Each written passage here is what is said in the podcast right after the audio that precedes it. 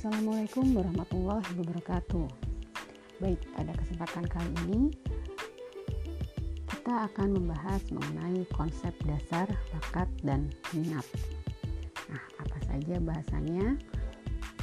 Baik, sambil teman-teman bisa menyimak PowerPoint yang sudah saya berikan ya. Oke, selanjutnya pengertian bakat. Kita pahami dulu di sini mengenai pengertian bakat. Pengertian bakat adalah kondisi atau serangkaian karakteristik yang dipersepsikan sebagai indikasi kemampuan individu dalam memperoleh pengetahuan, keterampilan, atau serangkaian respon dengan melalui latihan.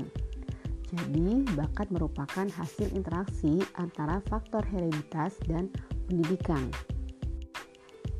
Sifat atau kemampuan potensial yang ada dalam diri individu dan dapat berkembang apabila mendapatkan stimulasi yang tepat.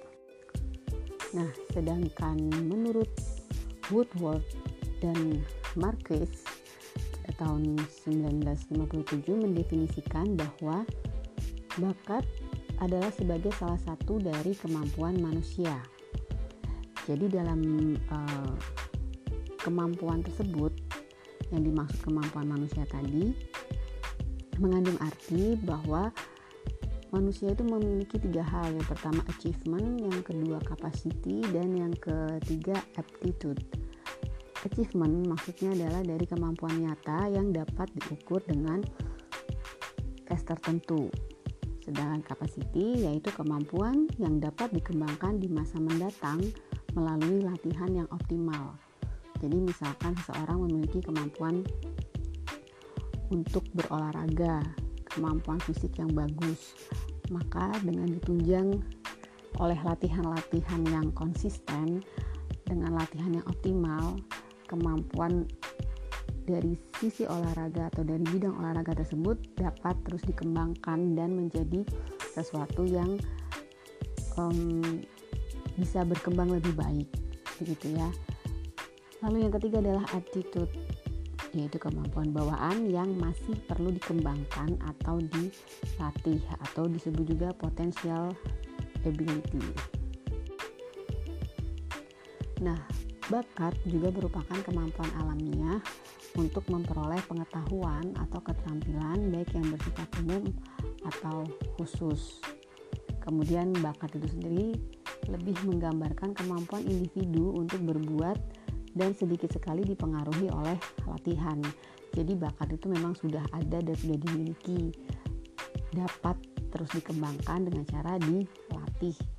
Tapi walaupun tanpa latihan atau minimal dengan latihan yang minimal, eh, orang yang memiliki bakat tertentu itu tetap eh, bisa melakukan sesuatu dengan baik dengan bagus dengan sempurna. Misalkan seseorang yang memiliki bakat menyanyi yang memiliki suara yang bagus gitu. Walaupun tidak dengan dilatih si individu ini sudah dapat bernyanyi dengan baik sudah dapat bermain musik dengan baik misalkan. Apalagi kalau ditunjang dengan latihan yang konsisten. Nah bakat ini akan lebih terasah begitu kurang lebihnya bakat itu sendiri bisa dikategorikan atau digolongkan menjadi dua begitu ya. Ada bakat intelektual dan bakat non intelektual untuk bakat intelektual atau bisa juga di uh, dibilang bakat umum atau khusus gitu ya itu adalah hasil bawaan dan latihan gitu yang diperoleh dari adanya faktor uh, bawaan dan karena adanya latihan yang dilakukan begitu. Sedangkan bakat non intelektual atau aptitude seperti bakat musik, bakat melukis gitu ya. Nah, itu dihasilkan bisa seseorang itu memiliki kemampuan dengan latihan gitu. Misalkan seseorang yang memang sudah ada kecenderungan mengerti atau memiliki passion di seni musik begitu ya namun dia tidak memiliki bakat gitu bakatnya adalah dia bisa uh, mengerti misalkan dengan notasi baloknya atau uh, tempo musiknya. Nah, semakin itu diasah, itu bisa semakin berkembang begitu kurang lebihnya. Lalu kemudian mengenai tes bakat. Nah, tes bakat itu berfokus pada mengukur kemampuan yang lebih spesifik, namun juga memberikan informasi kemampuan lainnya yang bersifat beragam atau multiple gitu ya. Nah, tes bakat ini mengukur suatu sampel tingkah laku yang secara diagnosis dapat memprediksi perilaku lainnya di masa yang akan datang. Sehingga fungsi tes bakat dapat digunakan untuk meramalkan performance seseorang di kemudian hari. Nah, hal ini didapatkan dari hasil pengalaman dan proses belajar individu yang diukur dalam tes. Jadi, tes bakat itu mengukur tingkah laku yang bisa didiagnosis gitu ya dan yang bisa diprediksi kemunculannya begitu jadi uh, performance-nya apa yang akan dilakukan seseorang itu bisa dideteksi dan bisa dioptimalisasi akhirnya gitu kurang lebihnya nah menurut Guilford sendiri bakat itu memiliki tiga dimensi yang pertama dimensi perseptual, yang kedua dimensi psikomotor, dan yang ketiga adalah dimensi intelektual. Dimensi perseptual yaitu kemampuan dalam melakukan persepsi. Bagaimana seseorang itu mempersepsi sesuatu begitu atau kepekaan panca indera yang berhubungan dengan kepekaan penglihatan, pendengaran atau kinestetik. Begitu. Kemudian dimensi psikomotor yaitu dimensi yang meliputi enam faktor. Ada kekuatan, ada impuls, impuls itu dorongan ya, kecepatan gerak atau ketepatan, ketelitian, lalu koordinasi dan keluasan atau fleksibilitas yang berhubungan semuanya ke enam faktor ini dengan psikomotor seorang individu gitu. Dimensi intelektual Nah, dimensi intelektual ini apa yang dimensi intelektual ini adalah meliputi faktor ingatan dan faktor berpikir yaitu kognisi atau produksi, lalu divergen dan konvergen serta evaluasi.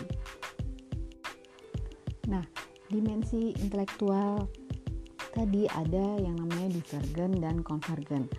Apa perbedaannya gitu ya? Nah, perbedaannya adalah pad kalau uh, divergent itu lebih ke idea generation dan kalau convergent itu lebih ke idea analisis analisis gitu ya nah orang-orang dengan tipe berpikir divergent mampu menghasilkan atau memproduksi ide-ide baru dan biasanya dikaitkan dengan kreativitas gitu nah sedangkan orang-orang dengan tipe berpikir konvergen mampu menganalisis suatu ide dan dikaitkan dengan kemampuannya menyelesaikan masalah tertentu atau bisa disebut juga dengan bagaimana cara seseorang itu memperoleh problem solving terhadap suatu permasalahan. Meski begitu, dua tipe berpikir ini sifatnya tidak saling berkompetisi atau uh, tidak saling uh, berkonflik satu sama lain gitu ya. Malahan keduanya ini saling menguntungkan dan saling melengkapi terutama dalam sebuah proses untuk melakukan inovasi.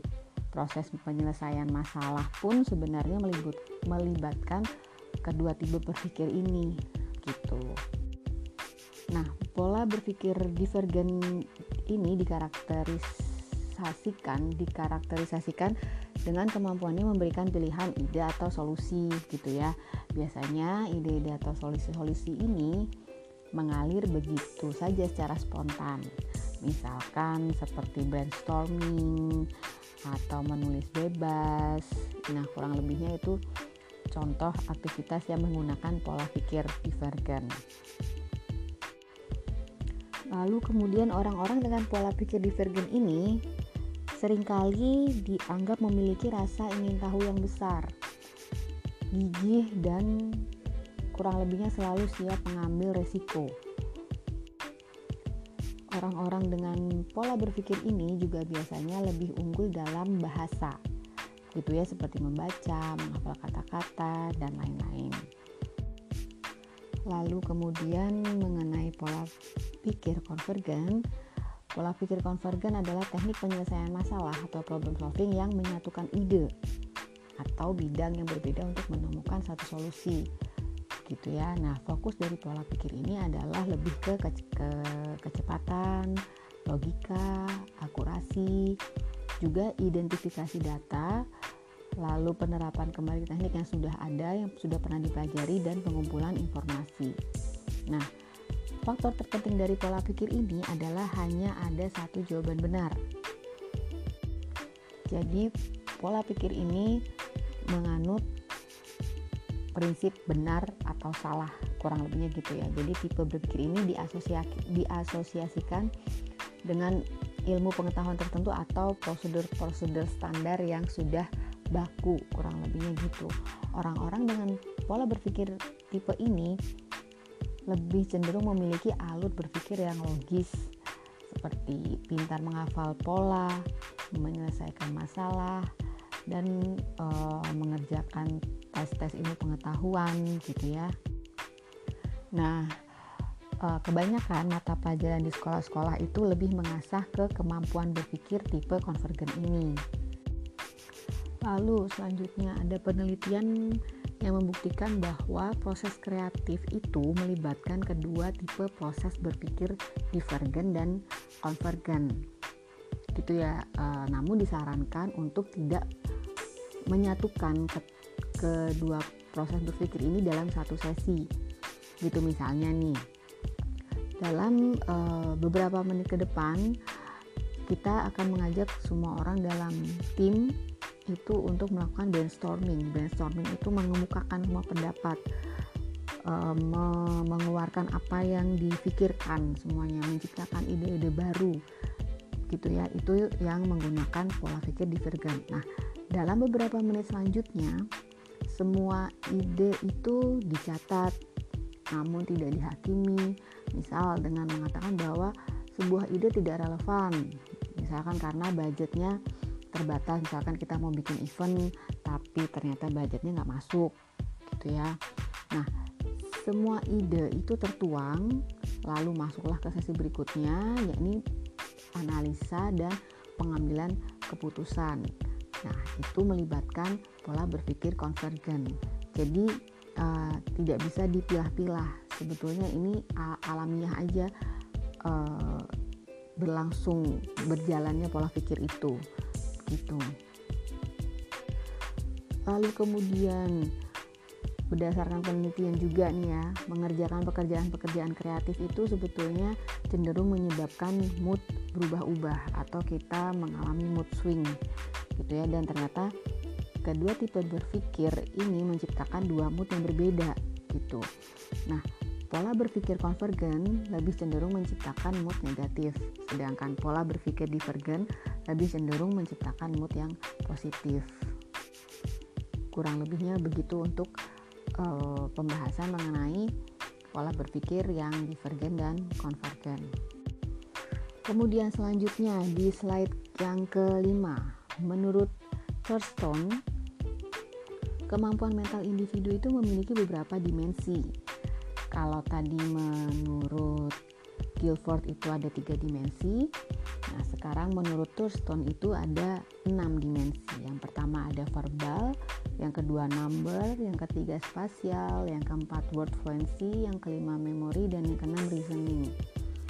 Verbal itu adalah pemahaman akan hubungan kata, kosakata, dan penguasaan komunikasi lisan.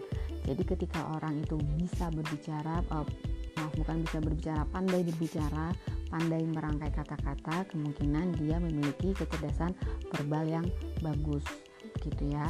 Lalu number, number di sini adalah kemampuan dalam kecermatan dan kecepatan dalam penggunaan fungsi-fungsi hitung dasar gitu ya kemampuan aritmatika misalkan. Ada orang yang jago matematika contohnya seperti itu. Lalu kemampuan spasial yaitu kemampuan mengena, mengenali berbagai hubungan dalam bentuk yang visual.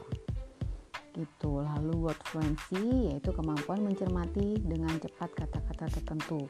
Jadi kemampuan orang dalam memahami uh, maksud tertentu dari suatu kalimat atau suatu pembicaraan atau misalkan orang dalam wacana talk uh, sorry bukan dalam wacana dalam kegiatan talk show uh, ada orang yang bisa dengan bisa dengan mudah langsung menjawab suatu pertanyaan ada yang ketika akan menjawab pertanyaan itu kita harus perlu mencerna dulu lalu kita mengolahnya kemudian kita bisa menjawabnya dengan tepat sesuai dengan pertanyaan yang diutarakan.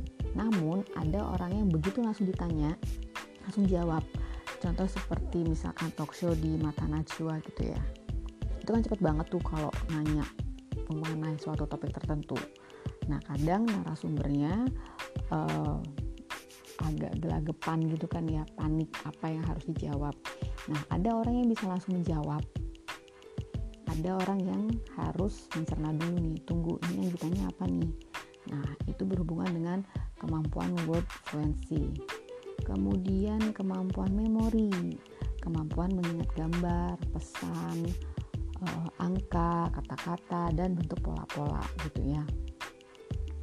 Seperti analoginya adalah ketika kita berjalan atau melewati um, jalan tertentu misalkan dari kampus mau ke rumah kadang oh pasti lewat jalan ini. Tapi orang yang kemampuan memorinya mungkin memang tidak berkembang dengan optimal gitu ya. Nah itu mungkin uh, mengingat misalkan kayak patokan jalan ini ancar-ancarnya di sini tuh nanti ada toko yang jualan gorengan misalkan. Nanti dari situ belok ke kiri tuh biasanya ada pangkalan ojek atau apa. Nah itu ada orang yang kurang bisa mengingat hal-hal yang sederhana seperti itu tuh dengan baik gitu. Ada orang yang misalkan sulit mencari jalan menghafal jalan atau menghafal simbol-simbol tertentu gitu ini kaitannya dengan memori Kemudian yang keenam adalah reasoning, yaitu kemampuan mengambil kesimpulan. Ya, kurang lebih seperti itu. Lalu slide selanjutnya, kira-kira ragam tes bakat itu apa aja ya? Nah, ragam tes bakat itu ada dua, ada kelompok single test dan ada kelompok baterai test. Kelompok single test itu misalnya seperti tes Kraepelin, tes Pauli, di mana tes-tes tersebut cenderung untuk mengungkap kemampuan penyelesaian masalah bisa termasuk di dalamnya kemudian kemampuan aritmatika juga termasuk uh, hal yang bisa diungkap dengan tes Kraepelin dan tes Pauli. Sedangkan kelompok baterai tes yaitu berupa serangkaian tes yang disajikan baik secara keseluruhan maupun terpisah untuk mengetahui bakat seseorang. Jadi tes-tes ini bisa di dirangkai ada menjadi beberapa tes. Maksudnya misalkan diterapkan ada dua atau tiga tes gitu ya. Di, di eh, tujuannya untuk mengungkap intelijensi misalkan. Maka diterapkan dua atau tiga tes untuk mendukung tujuan yang ingin dicapai gitu tujuannya mengungkap intelijensi maka ada misalkan tiga tes yang dikerjakan supaya hasilnya lebih objektif dan kita bisa lebih um, lebih tahu gitu lebih yakin bakat seseorang tersebut lebih mengarah ke mana begitu. Nah, baterai tes ini dikembangkan untuk mengukur uh, yang dikembangkan untuk mengukur bakat di antaranya itu ada uh, General Aptitude Test Baterai (GATB), ada Flanagan Aptitude Classification Test, lalu ada DAT. Nah, itu apa aja nanti akan kita bahas, kita pelajari di pertemuan selanjutnya. Kemudian mengenai minat. Minat itu adalah perhatian yang mengandung unsur-unsur perasaan. Gitu ya, minat merupakan dorongan atau keinginan dalam diri seseorang terhadap objek tertentu.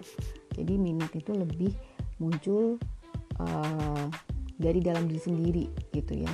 Karena adanya dorongan atau impuls uh, pada ya yang berasal dalam uh, yang berasal dari diri sendiri begitu. Nah, faktor yang mempengaruhi munculnya minat itu antara lain ada yang pertama lingkungan. Pengaruh yang muncul dari dalam diri sendiri secara alami, misalnya kematangan, kecerdasan, motivasi atau hal-hal yang sifatnya pribadi gitu. Kemudian yang kedua, faktor yang mempengaruhi munculnya minat itu ada dari segi sosial, yaitu pengaruh yang muncul dari luar individu, misalnya kondisi keluarga, lingkungan, pendidikan, motivasi sosial. Nah, itu bisa mempengaruhi minat yang ada dalam diri kita, gitu. Nah, bagaimana mengukur minat? Ya, jadi hakikat dan kekuatan dari minat dan bakat seseorang merupakan aspek penting kepribadian karena dapat uh, cenderung menyumbang kepribadian seseorang, maksudnya berkembangnya kepribadian seseorang. Nah, karakteristik, karakteristik ini secara material mempengaruhi prestasi pendidikan dan pekerjaan, hubungan antar pribadi dan juga dalam interaksi atau komunikasi sehari-hari gitu ya. Meskipun tes-tes secara khusus diarahkan pada pengukuran satu atau lebih variabel, namun instrumen yang tersedia tidak dapat secara kaku digolongkan menurut kategori-kategori tersendiri seperti minat dan bakat itu sendiri gitu ya. Lalu sebuah kuesioner eh, pada umumnya itu dirancang untuk menaksir kekuatan relatif minat dalam pekerjaan yang bersifat eh, menyelidiki gitu ya. Lalu dapat juga dikatakan uh, minat individu itu terhadap terhadap suatu seni atau tugas-tugas praktis dan sejenisnya itu cenderung lebih dapat diukur gitu. Lalu kemudian studi tentang minat itu mendapatkan dorongan terkuat dari uh, bidang pendidikan dan karir gitu ya, pengembangan atas tes dalam bidang ini atau dalam area ini itu kurang lebihnya contohnya seperti seleksi dan klasifikasi pekerjaan. Jadi dari sudut pandang baik pekerja maupun pemberi kerja, pertimbangan mengenai minat dan bakat individu itu sifatnya lebih praktis, lebih dapat di uh, lebih lebih dapat dipahami dengan dengan mudah gitu. Lalu kemudian mengenai tes minat pada slide yang ke-10 itu adalah merupakan jenis instrumen tes yang digunakan dalam penilaian terhadap minat individu dalam berbagai jenis kegiatan. Nah, sejumlah inventory atau alat tes itu memberikan analisa minat biasanya dalam kurikulum pendidikan gitu ya yang pada gilirannya terkait dengan keputusan seseorang dalam memilih karir yang akan digeluti gitu. Nah, salah satu jenis tes minat yang biasa digunakan itu adalah tes RMIB atau uh, kepanjangannya itu tes Rothwell Miller Interest Bank gitu ya itu isinya klasifikasi-klasifikasi pekerjaan yang uh, membantu untuk mengarahkan seseorang mengetahui bidang peminatannya gitu jadi lebih ke arah pekerjaan yang seperti apa atau bidang profesi yang seperti apa itu itu bisa diukur melalui alat tes RMIB nah cara melihat minat itu gimana? Ini ada di slide yang ke-11 ya. Yang pertama eh, dengan cara express interest. Jadi dengan melihat ekspresi individu terhadap suatu objek. Bagaimana misalkan kita mempunyai minat untuk memasak atau minat untuk um, menjahit, menyulam gitu ya. Nah, kita lihat bagaimana ekspresi individu tersebut ketika dihadapkan terhadap situasi di mana misalkan uh, dihadapkan pada resep-resep makanan atau saat mengikuti cooking class atau ketika kita berada di hmm, suatu toko alat-alat jahit atau mengenai kita memperlihatkan tutorial menyulam misalkan. Jadi ekspresinya bagaimana? Lebih cenderung menolak atau lebih excited kah? Atau menaruh perhatian yang berlebih atau justru cenderung cuek? Kita bisa lihat dari situ minat seseorang itu cenderung seperti apa. Begitu. Lalu yang kedua adalah manifest interest Manifest interest yaitu dengan melihat objek atau aktivitas apa yang paling sering dilakukan. Misalkan seseorang memang uh, tanpa disadari suka dalam merawat tanaman gitu ya. Jadi dia sering menyiram tanaman, sering me, apa namanya membenahi letak-letak um, tanaman awalnya dari situ bercocok tanam lalu uh, yang detail-detailnya juga dikerjakan update mengenai uh, bagaimana cara merawat tanaman yang baik. Nah kita bisa lihat dari situ aktivitasnya sebetulnya apa nih yang sering dilakukan. Jadi apakah seseorang itu memiliki kecenderungan peminatan ke arah uh, gardening gitu berkebun atau memiliki minat uh, yang lainnya gitu. Nah yang ketiga adalah measurement of interest yaitu pengukuran jadi caranya melihat minat adalah dengan cara kita mengukur menggunakan alat yang telah distandarisasi yaitu dengan alat tes psikologi seperti tadi RMIB gitu ya. Kemudian bisa juga kita menanyakan kepada subjek yang bersangkutan apakah ia senang atau tidak tentang suatu objek, objek tertentu atau kegiatan tertentu. Dilakukan dengan cara apa? Dengan cara observasi dan wawancara orang tersebut gitu. Jadi lebih terstandar dan lebih terfokus. Jadi tujuannya bisa tercapai. Ya baik kurang lebih uh, seperti itu penjelasannya. Sudah saya utarakan semua mengenai tes minat bakat. Jadi dalam uh, mata kuliah ini nantinya kita akan mempelajari berbagai macam instrumen-instrumen uh, alat tes untuk mengungkap minat dan bakat seseorang. Jadi konsepnya adalah kita tadi sudah tahu dulu bakat itu apa, minat itu apa, gitu ya. Nah, uh, kemudian tolong dijawab nanti di WA group mini question ini dari saya. Intinya apa yang teman-teman ketahui mengenai bakat dan minat seseorang. Mohon bisa disimpulkan sesuai dengan bahasa dan pemahaman masing-masing begitu ya.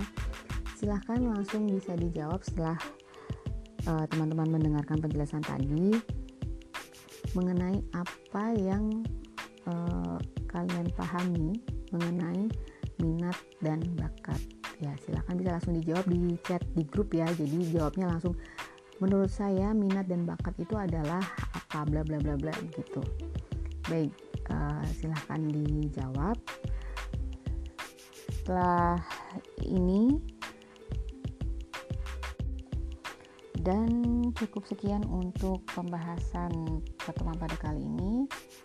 Kurang lebihnya saya mohon maaf. Jika ada hal yang ingin yang ingin didiskusikan silahkan dikoordinasikan melalui komting class nanti akan saya uh, bantu untuk uh, menjawabnya. Itu kurang lebihnya saya mohon maaf. Terima kasih atas atensinya. Wassalamualaikum warahmatullahi wabarakatuh